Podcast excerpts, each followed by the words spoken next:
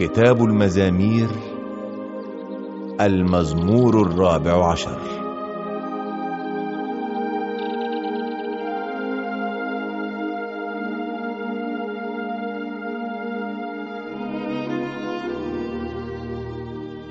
قال الجاهل في قلبه لا يوجد إله فسد البشر.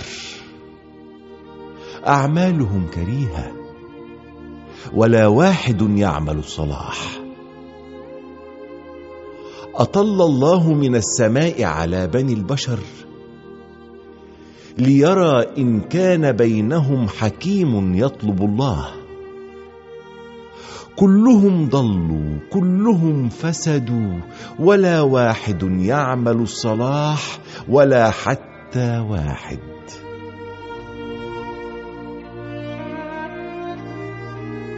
ألا يعرف فاعل الشر؟ أنهم يأكلون شعبي كما يأكلون الخبز ولا يدعون الله؟ لذلك يستولي عليهم الخوف لأن الله في صف الأتقياء. الأشرار يعارضون رأي المسكين لكن الله ملجأه.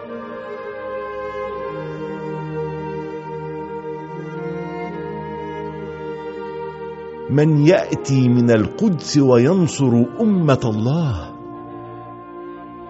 حين يرد الله ثروة شعبه يفرح بنو يعقوب ويبتهجون.